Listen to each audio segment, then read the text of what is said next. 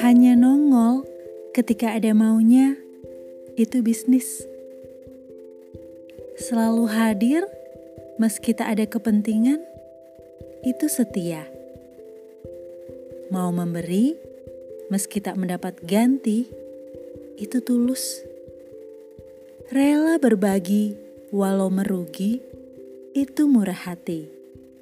Kamu tipe yang mana?